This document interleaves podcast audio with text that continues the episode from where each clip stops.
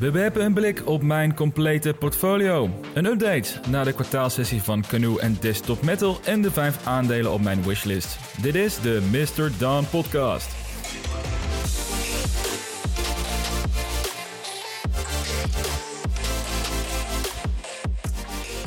Leuk dat je luistert naar deze aflevering. Mijn naam is Jasper en in deze podcast focussen we ons op investeren in innovatieve groeiaandelen. En voor degenen die al langer naar mijn podcast luisteren of mij volgen op Twitter, die weten dat ik alle posities en transacties in mijn portfolio openbaar deel. Dus dat doe ik met een reden, namelijk omdat ik vind dat als je over geld praat en actief je mening erover geeft, dat je ook transparant moet zijn in wat je daadwerkelijk doet. Nou, en tegelijkertijd was afgelopen week de kwartaalupdates van mijn twee grootste investeringen, namelijk Canoe en Desktop Metal. Dus daar wilde ik sowieso al een uitgebreide recap van delen. Dus ik dacht, weet je wat? Het leek mij leuk om van deze aflevering een portfolio special te maken. Waarbij ik alle posities bespreek, waarom ik heb geïnvesteerd in die aandelen en wat mijn verwachting is van de korte en de mid-lange termijn. Om daarna ook een blik te werpen op vijf aandelen op mijn wishlist die ik graag wil kopen zodra een bepaald koersdoel wordt bereikt. En omdat ik met een zeer geconcentreerd portfolio werk, waar ik zo meteen nog iets meer over zal toelichten, ja, ben ik dus bijzonder kritisch welk aandeel ik echt voor de lange termijn wil toevoegen aan het portfolio. Dus het spreekt voor zich dat ik deze vijf aandelen op de wishlist hoog heb zitten. En als je wilt weten wat mijn dagelijkse ideeën of gedachten zijn, dan kun je mij op Twitter volgen onder de naam Mr. Don NL. Want daar deel ik alle updates over deze podcast, maar ook over mijn portfolioacties, mijn ideeën en nog meer wat mij bezighoudt.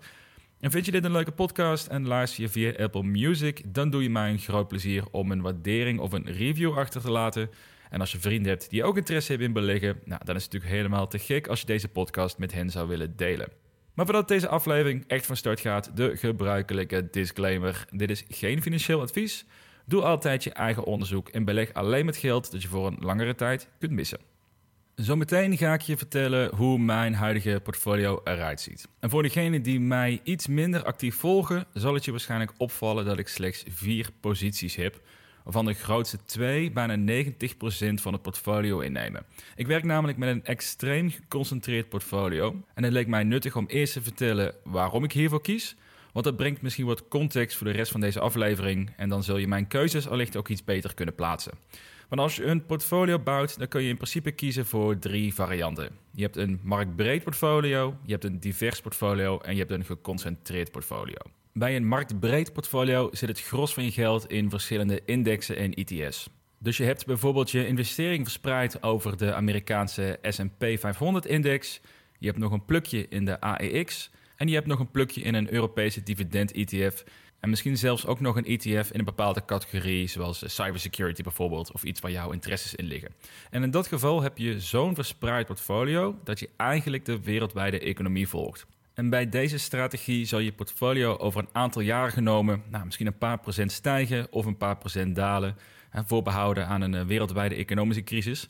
En dit is de meest risicomijdende manier van beleggen. Dus dat is ideaal als je passief wilt beleggen en als je iets wilt doen met je spaargeld en dat je niet dan op de bank hoeft te laten staan en tegelijkertijd ook zo weinig mogelijk risico wilt lopen om het geld eventueel kwijt te kunnen raken.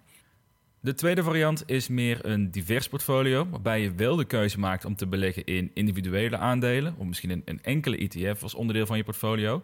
En uit cijfers blijkt dat een portfolio van 20 posities, verspreid over verschillende sectoren en bestaande uit zowel Amerikaanse als Europese of Chinese aandelen. Nou, ik zou niet gaan voor Chinese aandelen overigens, maar dat het al zorgt voor genoeg diversiteit dat je met relatief weinig risico toch in individuele aandelen kunt beleggen. En dit portfolio zie ik het vaakst voorbij komen bij beleggers die wel enigszins betrokken willen zijn, maar niet bovenmatig risico willen nemen. En ik denk dat deze variant voor de meeste actieve beleggers ook de beste keuze is. De derde variant is het geconcentreerde portfolio. En bij dit portfolio kies je ervoor om heel selectief in een paar individuele aandelen te investeren. Dus meestal maar maximaal 5 tot 8 posities. En hiervoor dien je echt een actieve belegger te zijn die zich sterk verdiept in iedere positie. En het voordeel van dit portfolio is dat als je bereid bent om je tijd erin te steken en je snapt hoe je een bedrijf eh, analyseert, dat je ook een fors rendement kan maken op ondergewaardeerde bedrijven. Het tegenovergestelde is natuurlijk ook waar. Dus als je besluit fors te investeren in een paar bedrijven die uiteindelijk niet gaan doen wat jij van verwacht, nou, dan kan je ook dus een groot deel van je geld in een hele korte tijd kwijtraken. Ik noem het niet per se een hogere risk-reward variant, Maar wel een portfolio waar je gewoon veel tijd moet investeren en heel planmatig mee moet werken. Anders is de kans groot dat je jezelf in de vingers gaat snijden. Er zijn dit jaar al meerdere dagen geweest dat ik 10% of meer van mijn portfolio in één dag zag verdampen. Dus daar moet je tegen kunnen. En ik denk dat dit portfolio geschikt is voor beleggers die echt met kapitaalgroei bezig zijn, die actief en planmatig kunnen werken en ook hun emoties over de koers grotendeels kunnen uitschakelen. En voor het gros van de beleggers ja, is deze strategie niet geschikt.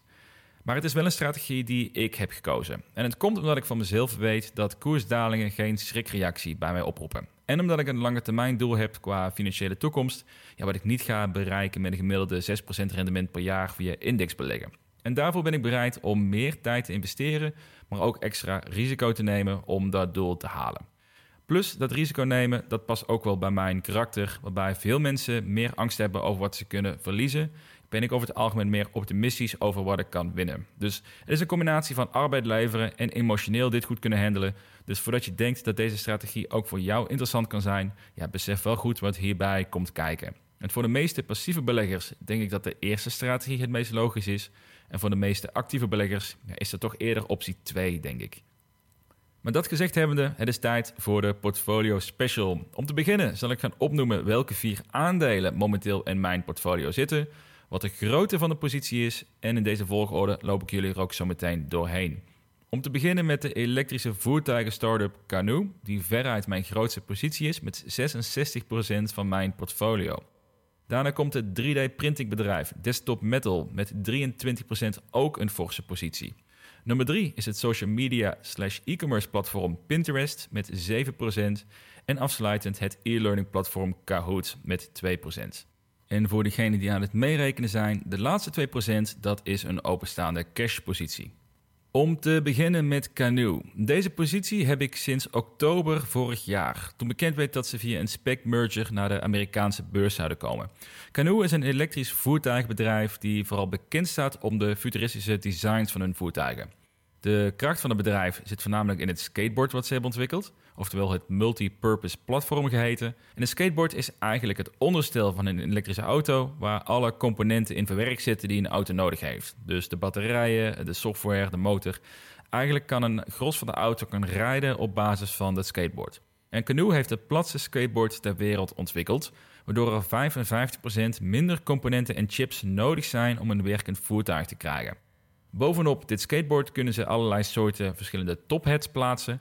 Dus Canoe heeft vooralsnog een lifestyle vehicle, een soort moderne uitvoering van de traditionele Volvo-bus geïntroduceerd, die in 2022 geleverd gaat worden. En daarnaast hebben ze een bezorgbusje genaamd de Multipurpose Delivery Vehicle en een pick-up truck uitvoering, die allebei in 2023 geleverd gaan worden. En dat is als je puur kijkt naar de voertuigen die zij op de markt gaan brengen. En daarvan zijn er talloze andere autofabrikanten die zich ook gaan richten op elektrische voertuigen. Dus waarom heb ik dan ervoor gekozen om 66% van mijn portfolio in Canoe te investeren? Nou, daarvoor heb ik een aantal redenen waarom ik extreem bullish ben op de toekomst van Canoe. En dat werd bij de kwartaalupdate van vorige week eigenlijk weer opnieuw bevestigd.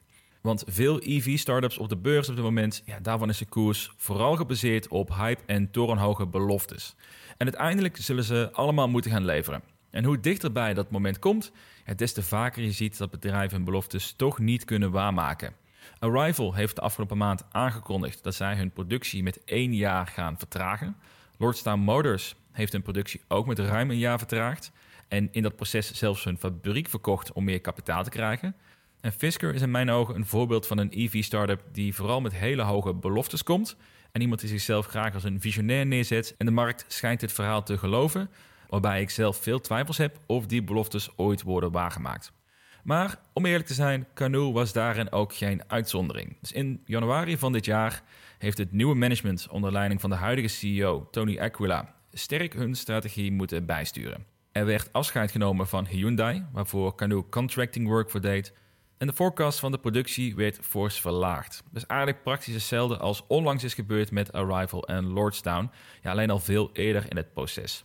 Ook heeft dit nieuwe management hun communicatiestrategie aangepast, want zij geloven in een big news or no news aanpak. En eerlijk gezegd, dit is echt dodelijk gebleken voor de koers op de korte termijn. En ook al een bron voor veel frustratie bij uh, fanatieke canoebeleggers, kan ik je vertellen. Ja, dat kan je ook zien in de koers van dit jaar. Maar tegelijkertijd betekent het ook dat zij niet verwachtingen creëren die zij niet kunnen waarmaken. En zich juist richten op under-promise en over-deliver. En dat is echt een veel contrast met de eerder genoemde EV-bedrijven in deze business. Nou, wat betekent dat nou in de praktijk? Nou, onder meer dat Canoe in een kwartaalupdate van de afgelopen week heeft aangekondigd dat zij hun productieproces gaan versnellen. En dit doen ze door een extra fabriek te openen in Arkansas, naast de fabriek die ze aan het bouwen zijn in Oklahoma. En het was oorspronkelijk de planning om eind 2022 de eerste lifestyle vehicles te leveren, met dank aan een samenwerking met het Nederlandse VDL Netcar in Limburg. En ze hebben nu uitgesproken dat ze voor Q4, dus waarschijnlijk ergens eind Q3, al de eerste voertuigen verwachten te gaan leveren. Die zijn gefabriceerd in Amerika. En VDL Netcar, zij gaan zich juist richten op productie voor de Europese markt. En dit is opnieuw in veel contrast met andere EV-startups die juist allemaal hun productieproces aan het vertragen zijn omdat ze niet kunnen leveren wat ze hebben beloofd. Daarmee moet ook gezegd worden dat Canoe momenteel 800 werknemers heeft, van het gros engineers, en al meer dan 800.000 kilometer aan beta-testing heeft gedaan. Ze zitten nu ook al enkele maanden in de gamma-fase. En dat is de fase waarbij de allerlaatste details van het voertuig worden opgepoetst voordat het echt naar massaproductie gaat. En er zijn EV-startups die het gamma-proces skippen en direct naar massaproductie gaan vanaf de beta-fase. Met alle mogelijke gevolgen van dien. En dat zegt eigenlijk ook heel veel over hoe secuur Canoo te werk gaat in het engineering-proces. En dat is ook iets wat mij juist heel erg aanspreekt, is dat er een managementteam zit die wil bewijzen en niet te veel doet praten. Sterker nog, ze zeggen eigenlijk heel erg weinig. En dat, uh, net zei ik al, tot zelfs tot frustreren naartoe. Maar goed, dat betekent ook wel dat ze heel erg bezig zijn om echt hun product beter te maken. Voordat zij naar buiten brengen. En dat is iets wat bij mij gewoon heel sterk overkomt. Was er dan nog meer nieuws te vertellen in de afgelopen week? Absoluut. Allereerst is bevestigd dat Panasonic de leverancier van hun batterij wordt. En dit is toevallig ook de leverancier van Tesla. En naast de extra fabriek in Arkansas gaan ze ook hun corporate headquarters verplaatsen naar Arkansas en daar een extra technology hub starten. Naast degene die ze ook al in Oklahoma aan het bouwen zijn. In Arkansas bouwen ze dus een extra fabriek, een nieuw hoofdkantoor en een nieuwe technology hub. En in Oklahoma, waar ze dus ook de fabriek aan het bouwen zijn, gaan ze daarnaast ook een extra facility neerzetten voor het ontwikkelen van de cybersecurity software gericht op connected cars. Canoe heeft namelijk de ambitie om het ecosysteem voor connected cars te bouwen, waar je iedere auto, zowel van Canoe of een willekeurig ander merk, je simpel op kan aansluiten, die jou als gebruiker waardevolle inzichten geeft over jouw auto. Bijvoorbeeld eh, dat je een signaal krijgt wanneer je nieuwe banden nodig hebt en dat je ook meteen een deal krijgt bij jou in de buurt waar je die goedkoopst kan ophalen. Ja, en tegelijkertijd ook ervoor zorgt dat de software van de auto wordt beschermd tegen hackers. En dat is iets wat in de toekomst absoluut een risico zou kunnen worden aangezien auto's steeds meer verbonden worden met het internet. Ja, en als een hacker controle krijgt over jouw auto, ja, dan heb je een levensgroot probleem. En de CEO van Canoe heeft in 2016 al uitgesproken ja, dat dit een belangrijk onderdeel gaat worden van automotive in de toekomst. En met Canoe heeft hij nu de kans gepakt om hier aan te gaan bouwen. Dus dit team wordt nu gebouwd in Oklahoma. En hiervoor krijgen ze 100 miljoen dollar aan overheidssteun vanuit Arkansas. Naast de 300 miljoen dollar die ze krijgen van Oklahoma om zich daar te vestigen. En ook hebben beide staten aangegeven dat ze voor circa totaal 100 miljoen dollar aan nieuwe voertuigen willen gaan afnemen bij Canoe. Dus dit is een deal van zo'n half miljard dollar, waar ze 1200 nieuwe collega's voor gaan aannemen. Dus Canoe schaalt zo ontzettend hard. En dat je je bijna gaat afvragen waar ze het geld vandaan halen, nog los van de financiële incentives vanuit de verschillende staten. En in dat kader komt er een interessant gerucht om de hoek kijken. De stad in Arkansas, waar Canoe zich gaat vestigen, dat heet Bentonville. En dat stadje staat om één ding bekend: Walmart.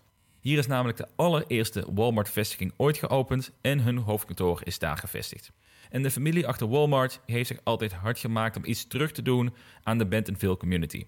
Sterker nog, ieder bedrijf die een stevige zakelijke relatie heeft met Walmart, die is verplicht om iets terug te doen voor de Bentonville gemeenschap. Want verder is er eigenlijk heel weinig te doen in die stad. En Canoe heeft ervoor gekozen om hun hoofdkantoor naar Bentonville te verplaatsen, er een fabriek te bouwen en hun technology hub daar te openen. En dat is heel opvallend. Ook heeft Walmart zich uitgesproken dat ze graag een elektrische vloot aan voertuigen willen hebben op een relatief korte termijn. Ze hebben onlangs een start-up overgenomen die zich richt op software voor zelfrijdende bezorgbusjes. En het is bekend ook in de markt dat Walmart uiteindelijk doet wat Amazon doet. Nou, Amazon heeft een deal met Rivian voor hun bestelbusjes. Dus dan is de vraag, wat gaat Walmart doen? Nou, er zijn een paar eerste connecties waardoor er al een lampje gaat branden. Wat zien we verder voor signalen voor een eventuele Canoe en Walmart deal? Nou, allereerst volgt de CEO van Canoe, Tony Aquila, zes mensen op LinkedIn. Dat zijn Bill Gates en Melinda Gates, nog drie willekeurige anderen en inderdaad de Walmart CEO. Ook staat er een bezorgbusje op het hoofdkantoor van Canoe in dezelfde blauwe kleurenpalet als Walmart. En er zijn misschien wat lichtere lijntjes, hè, dat is misschien wat meer speculeren. Maar goed, totaal genomen geeft het wel meer dan genoeg aanleiding om het gerucht van een Canoe en Walmart deal serieus te nemen. En aangezien Canoe nog steeds gewaardeerd wordt door de markt alsof ze op punt staan van failliet te gaan, met een market cap van 2,4 miljard dollar, kan dit wel echt een enorme boost gaan geven aan de koers op de kortere termijn. En wat zit er dan nog meer aan te komen voor Canoe? Nou, stiekem dus eigenlijk een heleboel. Omdat Canoe de big news or no news strategie aanhoudt, weten al veel Canoe-fanatiekelingen al van deals die nog niet zijn aangekondigd. Zo ligt er een deal met Frontdoor voor 10.000 busjes. En dat is een collectief aan bezorgers voor Amazon onder andere. Er ligt een deal met een pest control bedrijf die een custom fleet krijgen. En beide deals zijn al bevestigd door die bedrijven, maar nog niet door Canoe zelf. Ook heeft AirAsia, een soort Transavia in Azië, onlangs een video op hun officiële YouTube-account gezet waarbij een partnership met Canoe is aangekondigd. En zowel voor hun lifestyle vehicle voor ride-hailing op het vliegveld en met de bezorgbusjes die ingezet worden om de bagage te brengen. En dit was een complete, volledig gestaalde en professioneel gemaakte commercial, inclusief AirAsia gestaalde voertuigen. En één dag later was de video van het kanaal gehaald. Waarschijnlijk doordat Canoe dit nieuws dus nog niet wil brengen. Maar goed, de kwaliteit van de commercial geeft aan dat dit echt een done deal is. Want hier is zeker een maand aan gewerkt om dit, uh, om dit eruit te krijgen. Er liggen ook nog wat dunne lijntjes over UPS. En je kan een mooie theorie maken over Apple. Maar ik vind dat dat iets te veel gissen wordt. En dat is mij betreft ook niet nodig om te laten zien wat voor een goede investering Canoe het moment is. Dus dat laat ik even voor wat het is. Afsluitend heeft de CEO een principeakkoord om bijna 25% van de totaal uitstaande aandelen over te nemen van een vroege Chinese investeerder in Canoe. De CEO, Tony Aquila, legt zo'n 350 miljoen dollar van zijn eigen geld neer om totaal 33% van het bedrijf in handen te krijgen. En als er één teken is dat de toekomst er rooskleurig uitziet voor het bedrijf, dan is het als de CEO het gros van zijn eigen vermogen investeert om een derde van het bedrijf in bezit te krijgen, waar hij alle ins en outs van weet. En Tony Aquila is een self-made miljonair, maar niet iemand die echt een miljard aan speelgeld heeft liggen. Dus hij gaat echt all in met deze zet. Het is wachten totdat deze transactie definitief wordt bevestigd. Er zit een timer op, dus het is een kwestie van tijd. En ik kan nog uren doorpraten over Canoe. Maar deze ontwikkelingen sinds de afgelopen weken en maanden... hebben mij overtuigd van wat een gouden kans het in mijn ogen is... om nu in Canoe te investeren. De waardering van 2,4 miljard dollar is eigenlijk bizar laag... vergeleken met een Fisker die op 6,3 miljard dollar gewaardeerd wordt... Ja, over Nikola dat een bewezen scam is... die zelfs nog op 4,8 miljard dollar gewaardeerd wordt... In mijn ogen zou Canoe nu al minimaal de waardering van Fisker moeten hebben, wat 2,5 keer de huidige koers is. Dus op de korte termijn, laten we zeggen nu tot 1 jaar, ja, verwacht ik dat de koers flink kan toenemen. Zeker als het nieuws van Walmart daadwerkelijk realiteit blijkt te zijn. En op de langere termijn zie ik Canoe als een van de weinige EV-startups die het echt kan gaan redden. Vandaar dat ik heel comfortabel met 66% van mijn portfolio in Canoe zit en eigenlijk het hele jaar al geen enkel aandeel aan Canoe heb verkocht. En ik kijk met heel veel verwachting uit naar de komende maanden. Maar het is denk ik duidelijk waar mijn enthousiasme op is gebaseerd. Tot zover Canoe. Op naar mijn tweede positie. En met 23% van de portfolio is dat Desktop Metal. Ook dit bedrijf heb ik sinds oktober vorig jaar, toen het nog een spec was. Er staat een uitgebreid artikel of een analyse over Desktop Metal op mrdawn.nl, waar je alle ins en outs van het bedrijf kunt lezen. En in de kern wat zij doen, is dat zij een van de eerste 3D-printingbedrijven zijn die zich 100% richten op het schaalbaar en op industriële schaalprinten van onderdelen. Want het gros van de 3D-printingbedrijven ja, richten zich juist meer op prototypes maken. Maar Desktop Metal heeft de technologie ontwikkeld waardoor het kostenefficiënter is om onderdelen te printen dan ze traditioneel te laten gieten in een vorm. En hierdoor kunnen bedrijven direct op locatie hun onderdelen maken, kunnen ze de vorm van het onderdeel direct digitaal aanpassen zonder een nieuwe mal te hoeven maken. En hoeven ze ook geen voorraad aan honderden losse onderdelen aan te houden, want ze kunnen drukken zodra het nodig is. En dit zou een geweldige oplossing kunnen zijn voor de supply chain problemen, waar de hele wereld nu mee te maken heeft. En bedrijven zoals automakers, ja, die zullen in de toekomst het risico niet meer willen lopen en ervoor kiezen om zoveel mogelijk onderdelen op een nabije locatie of een eigen fabriek te laten maken. En als het desktop metal lukt om hiervoor de technologie gereed te krijgen, ja, dan is dit een gamechanger in het productieproces. En met die gedachtegang heb ik dan ook een grote positie in Desktop Metal. Want dit bedrijf laat alles zien om een van de grootste bedrijven in deze snel ontwikkelende industrie te worden. In het afgelopen jaar hebben ze meerdere bedrijven overgenomen, onder meer een bedrijf genaamd Forest, die de technologie hebben ontwikkeld om houten voorwerpen te printen via een combinatie van zaagsel en hars. En dat is afvalmateriaal waarmee zij de allermooiste voorwerpen, zoals houten vazen bijvoorbeeld, kunnen maken. En het ziet er echt geweldig uit en past helemaal bij de huidige tijd om industrieel afval te hergebruiken tot iets nuttigs. Ook hebben ze een bedrijf overgenomen en omgeturnd naar Desktop Health, die tandartsen de mogelijkheid geeft om een gebit of losse tanden te 3D-printen direct bij de tandartspraktijk en volledig op maat gemaakt voor de patiënt. En dat is een proces wat momenteel weken kost en waarvoor meerdere tanden gemaakt moeten worden voor één patiënt, omdat de tandarts aan moet beslissen welke het beste past. Oftewel veel kosten, veel tijd en ook daar komt Desktop Health in dit geval met een oplossing voor. Maar de allergrootste stap is gezet met de overname van hun concurrent, Exxon. En dit is een 3D-printingbedrijf die juist op een paar andere gebieden ontzettend sterk was, waardoor het aanbod nu complementair wordt gemaakt aan de producten van Desktop Metal. En dit tekent de strategie van het bedrijf. Volledig gefocust om hun doel om 10% van de markt in bezit te nemen in 2030. En naar verwachting groeit de markt naar 146 miljard dollar. Wat betekent dat Desktop Metal over 8 jaar een omzet van 7,5 tot 15 miljard dollar per jaar verwacht te maken.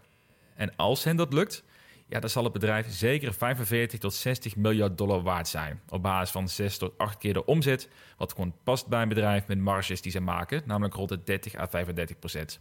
Momenteel is het bedrijf 2,2 miljard dollar waard. Oftewel de potentie voor een 20 tot 27x over de komende jaren. En dat zou een jaarlijks rendement van 51% per jaar zijn, wat echt een bizar hoog return is. En ook de reden waarom ik er 23% van mijn geld in heb zitten. En de afgelopen week hield Desktop Metal ook hun kwartaalupdate. En dat was helaas iets minder sterk dan ik had verwacht. De omzet viel tegen door supply chain problemen, wat ironisch is aangezien hun producten de supply chain problemen in de toekomst juist zou moeten oplossen. Maar wat mij vooral licht heeft doen twijfelen aan de, in ieder geval de, de korte termijn koersontwikkeling, is de twijfelachtige uitspraken over het leveren van hun P50 shop systeem. De P50 is het goudklompje van het bedrijf. En dat is namelijk het systeem waarmee bedrijven op industriële schaal kunnen gaan printen. En alle andere producten die ze aanbieden, die zijn meer voor custom, kleinere productie. Maar dit is echt degene die, uh, die de markt op zijn kop gaat zetten. En het moment dat dit geleverd wordt, ja, dan gaat de omzet van bedrijf ook echt enorme stappen vooruit maken. Dus iedere desktop metal investeerder die is aan het kijken naar dat moment. En in de earnings call gaf het management aan dat zij verwachten in Q4 de eerste P50's te kunnen leveren. Of P50's, hoe je het ook noemt. Maar dat ze nog de laatste onderdelen aan het verzamelen zijn. En ik vond het best wel teleurstellend eigenlijk. Allereerst omdat ze een week geleden, of een week voordat ze het earnings update deden, hebben ze een persbericht uitgestuurd dat de vraag naar de P50 zo enorm was dat ze hun capaciteit hebben verdrievoudigd. En dat was natuurlijk een enorm bullish signaal, waardoor iedereen, en ik zelf ook, ja, erop rekenen dat bij de kwartaalupdate dat er gecommuniceerd zou worden dat de eerste P50's onderweg waren naar klanten. En het feit dat ze tweemaal in de call hebben aangegeven dat ze hopen en verwachten in Q4 te leveren, ja, dat vind ik bijzonder zwak eigenlijk. Ook hebben ze aangegeven dat ze de volgende kwartaalupdate met de Q4-cijfers, ja, dat ze niet verwachten dat daar de omzet van de P50 daar al zichtbaar op gaat zijn. En voor mij bevestigt dit het beeld dat Destin Metal nog twee kwartalen nodig gaat hebben om beleggers echt te overtuigen van de potentie van het bedrijf. En laat mij duidelijk zijn, die P50 die gaat eruit, al dan niet in Q4 of begin volgend jaar. En zodra dat gebeurt, ja, dan zal het bedrijf en de koers echt tot leven gaan komen. Want er zijn nog steeds veel beleggers en veel instituties ja, die niet geloven in de beloftes die Desktop Battle gemaakt heeft. Maar door deze signalen verwacht ik wel pas in Q2 volgend jaar echt een doorbraak van het bedrijf te merken. Tenzij ze voortijdig gaan communiceren dat er meer P50's dan verwacht daadwerkelijk al zijn geleverd. En ook heeft Desktop Metal tijd nodig om alle overnames van het afgelopen jaar, zoals de Exxon-overname, ja, om die te integreren binnen het bedrijf. Hier ontstaat echt wel een powerhouse in de 3D-printing sector. En ik ben enorm bullish voor de midlange termijn, maar de komende maanden verwacht ik eigenlijk weinig actie. En dan heb ik nog twee relatief kleinere posities in het portfolio, Pinterest en Kahoot. En daar wil ik kort bij stilstaan, omdat de, grootste impact met Canoe en Desktop Metal wordt gemaakt in mijn portfolio. Ja, daar heb ik natuurlijk net uitgebreid over bijgepraat. Maar om te beginnen met Pinterest. Pinterest is met 7% mijn derde positie. En de koers is in de afgelopen maanden behoorlijk gedaald. Eerst door angst over de cookies die zouden gaan verdwijnen. En wat ook gaat gebeuren trouwens. En toen kwam het gerucht dat PayPal Pinterest zou gaan overnemen. Wat een week later weer werd ontkracht. Inmiddels is de koers gehalveerd sinds het hoogtepunt in februari. De waardering is zelfs tot onder de 30 miljard gezakt. En de price-to-sales ratio staat nu op 12 keer de omzet van de afgelopen 12 maanden. En de laatste keer dat deze waardering zo laag stond, dat was in juni 2020. Toen betaalde hij 9,5 keer de omzet en toen stond de koers nog op 22 dollar. Dus dat geeft ook aan hoe sterk het bedrijf gegroeid is qua omzet in de afgelopen jaar. En ik blijf erbij dat beleggers Pinterest gewoon compleet verkeerd inschatten. Het wordt gezien als een social media kanaal en het wordt vergeleken met een Twitter en een Snapchat. Maar Pinterest zit veel meer in de e-commerce inspiratiehoek. En dat is ook de richting die het platform op wilt gaan. Het gros van de Pinterest-gebruikers heeft aangegeven dat zij bij het platform komen om geïnspireerd te worden tot een aankoop. En dat is commercieel natuurlijk enorm interessant voor merken om dan daarop aanwezig te zijn. Daarbij heeft Pinterest enorm veel data van gebruikers, waardoor ze niet afhankelijk zijn van cookies. En zijn ze hun samenwerking met Spotify aan het uitbouwen, zodat het meer een gestroomlijnde e-commerce ervaring wordt. En ik denk dat Pinterest de komende jaren zal aantonen dat het echt een uniek platform is waar de omzet per gebruiker nog fors op zal gaan stijgen. En uiteindelijk dat zich zullen ontpoppen naar een absolute cash cow zoals een Facebook. En mijn positie is nu nog 7%, maar zodra de price sales onder de 10 zakt, dus dan zou het echt op niveau van juni 2020 zijn. Dus even snel doorrekenen, de koers moet dan denk ik gaan naar, ik denk iets onder de 38, iets onder de 37 uit mijn hoofd. Ja, in dat geval uh, zal ik mijn positie echt uh, fors gaan uitbreiden. En het liefst wil ik eigenlijk naar een positie van circa 20% in dit portfolio voor Pinterest. Dus dat, dat geeft eigenlijk ook aan hoe hoog mijn vertrouwen is. En ik ben nog even te wachten tot het net iets aantrekkelijker geprijsd wordt. Maar naar mijn gevoel is Pinterest totaal onbegrepen en biedt dit enorme kans voor beleggers. En dan mijn laatste aandeel, dat is het Zweedse e-learning bedrijf Kahoot. Hierover heb ik in een paar afleveringen geleden nog een uitgebreide analyse gedeeld. Op dit moment is het bedrijf slechts 2% van mijn portfolio en echt een starterspositie. De koers is sinds de aankoop met 15% gestegen, maar ik hoop eigenlijk dat de koers de komende maanden fors gaat dalen. Want ook deze positie wil ik fors uitbreiden in de komende periode. Ik vind het aandeel nu namelijk nog steeds relatief duur, in tegenstelling tot de drie eerder genoemde posities van zojuist. Dus ik doe het gewoon rustig aan. En als de koers te veel gaat oplopen, stel dat er straks 50% boven mijn aankoopprijs is, ja, dan zal ik misschien zelfs geneigd zijn om de positie tijdelijk weer te verkopen, totdat het daadwerkelijk weer aantrekkelijk is geprijsd. Maar dit aandeel staat absoluut hoog op mijn wishlist. Het is een geweldig bedrijf. Beluister mijn analyse en dan weet je eigenlijk wel genoeg. Maar zoals met alle aandelen moet de waardering wel genoeg ruimte bieden voor rendement in de komende jaren. En anders is het gewoon een kwestie van mijn portfolio herallokeren en optimaliseren. En dat is mijn portfolio tot dusver. Waar Canoe en Desktop Metal echt veruit de grootste posities zijn. En met Pinterest en Kahoot, waar ik hoop dat de koers juist gaat dalen. Omdat ik de posities fors hoop uit te breiden in de komende maanden. Nou, dan ben je daar in ieder geval helemaal weer over bijgepraat. En wat mijn redenen zijn om te investeren in die bedrijven. Maar dan wil ik natuurlijk ook afsluiten met vijf aandelen die hoog op mijn wishlist staan. Want ik weet dat jullie altijd op zoek zijn naar nieuwe namen en nieuwe ideeën om ook zelf te gaan volgen. En deze aandelen, ja, die volg ik dagelijks naast mijn portfolio om te zien of er al een mooi koopmoment in zit. En Kahoot was een van die bedrijven die in deze wishlist stond, voordat het onderdeel werd van mijn portfolio. Nou, wat zijn dan die vijf andere aandelen waar ik heel graag een positie in zou willen openen? Nou, laten we daar even bij stilstaan. Het eerste aandeel is PubMatic, het digitale advertentiebedrijf. Niet verrassend denk ik, een van de weinige gouden aandelen van dit seizoen. Ik neem het mezelf kwalijk dat ik niet een volle positie heb geopend toen de koers rond 22 dollar stond. Want dat was toen al 13% lager dan mijn koersdoel. Ik was gierig en ik besloot te wachten, terwijl digital advertising juist mijn grootste kennisdomein is. Nou, het aandeel is nu door een geweldig Q3 in koers gestegen naar 40 dollar. Ja, dus helaas buiten beeld op dit moment. Maar zodra er iets gebeurt in de markt waardoor PubMatic weer daalt, ja, dan staat PubMatic heel hoog op mijn lijstje om toe te voegen aan mijn portfolio. Het tweede aandeel is AST Space Mobile, het bedrijf die wereldwijde mobiele verbinding mogelijk gaat maken, zelfs tot in de Sahara of de meest afgelegen plekken te halen. En dit aandeel heb ik enkele maanden geleden moeten verkopen om ruimte te maken voor meer Pinterest-aandelen. Maar dit bedrijf blijft voor mij een van de beste asymmetrische investeringen op de beurs op dit moment. Het is heel simpel. Als zij hun ambities waarmaken, dan doet dit aandeel een 100x over de komende 10 jaar. En die waardering kan ik ook staven met cijfers en met ratio's. Als zij hun ambities niet waarmaken, nou, dan ben je je geld waarschijnlijk grotendeels kwijt. Dus best een mooie kans om een klein deel van je portfolio in te hebben. En ik hoop ook binnenkort weer deze positie te kunnen openen. Het derde aandeel is Corsair, het gaming- en streaming hardwarebedrijf. Ook een aandeel die langere tijd in mijn bezit was, maar die ik heb verkocht om meer Canoe-aandelen te kunnen kopen. Nou, dat was geen verkeerde keuze vooralsnog, want Canoe is sindsdien met 20% gestegen en Corsair is met 5% gedaald. Maar desalniettemin vind ik Corsair zwaar ondergewaardeerd voor de groei die zij laten zien. Die positie ga ik met veel liefde weer innemen, zodra ik tevreden ben met de grootte van mijn vier huidige andere beleggingen. Het vierde aandeel is Teladoc. Dit bedrijf richt zich op telehealth. Hierover heb ik ook dit seizoen een analyse gedeeld. De koers staat inmiddels op het laagste punt sinds de start van de pandemie. Het is zo'n ontzettend groeidomein. Je betaalt momenteel 8,5 keer de jaarlijkse omzet, waarbij ze de komende jaren tussen de 40 à 50 procent aan omzet verwachten te blijven groeien. Nou, dit aandeel lijkt de bodem nog niet te hebben aangetikt als je kijkt naar de koers. Het zit gewoon in een zwaar negatief momentum. Dus ik ben aan het afwachten tot duidelijk is hoe ver de koers nog gaat dalen. Maar Teladoc is absoluut een bedrijf die ik eh, heel scherp op het oog houd. Het laatste aandeel, die is misschien wat onbekender voor de meesten, want de eerste vier die heb je waarschijnlijk al een keer eh, vaker langs horen komen in podcast, met deze nog wat minder. Dat is namelijk Matterport. Dit bedrijf heeft de technologie ontwikkeld om 3D-weergaves van ruimtes te maken. Dus bedrijven zoals Funda die werken hier al mee. En Matterport past perfect bij de trend van de verdere digitalisering van onze samenleving en ook de opkomst van de metaverse. Helaas heeft het aandeel de afgelopen maanden te veel in de spotlights gestaan en is de hype simpelweg te groot, waardoor de koers onredelijk hoog is. Er was zelfs laatst een earnings report die best wel, eh, best wel slecht was.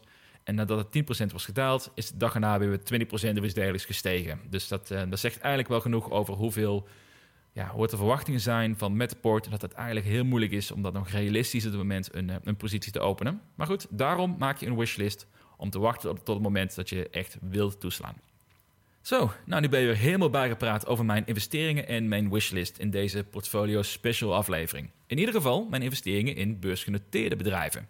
Want hiernaast, en dat is meer een publiek geheim, doe ik ook investeringen in startups. En dat is een onderwerp waar ik het meer over wil gaan hebben in deze podcast. Omdat het sterk past bij de mentaliteit van investeren in groeibedrijven. Vandaag dat binnenkort de eerste aflevering in interviewvorm geplaatst gaat worden. En het eerste gesprek vindt plaats met niemand minder dan Paul Veugen, een self-made miljonair en ondernemer die zijn eerste bedrijf Usabilla heeft verkocht aan SurveyMonkey.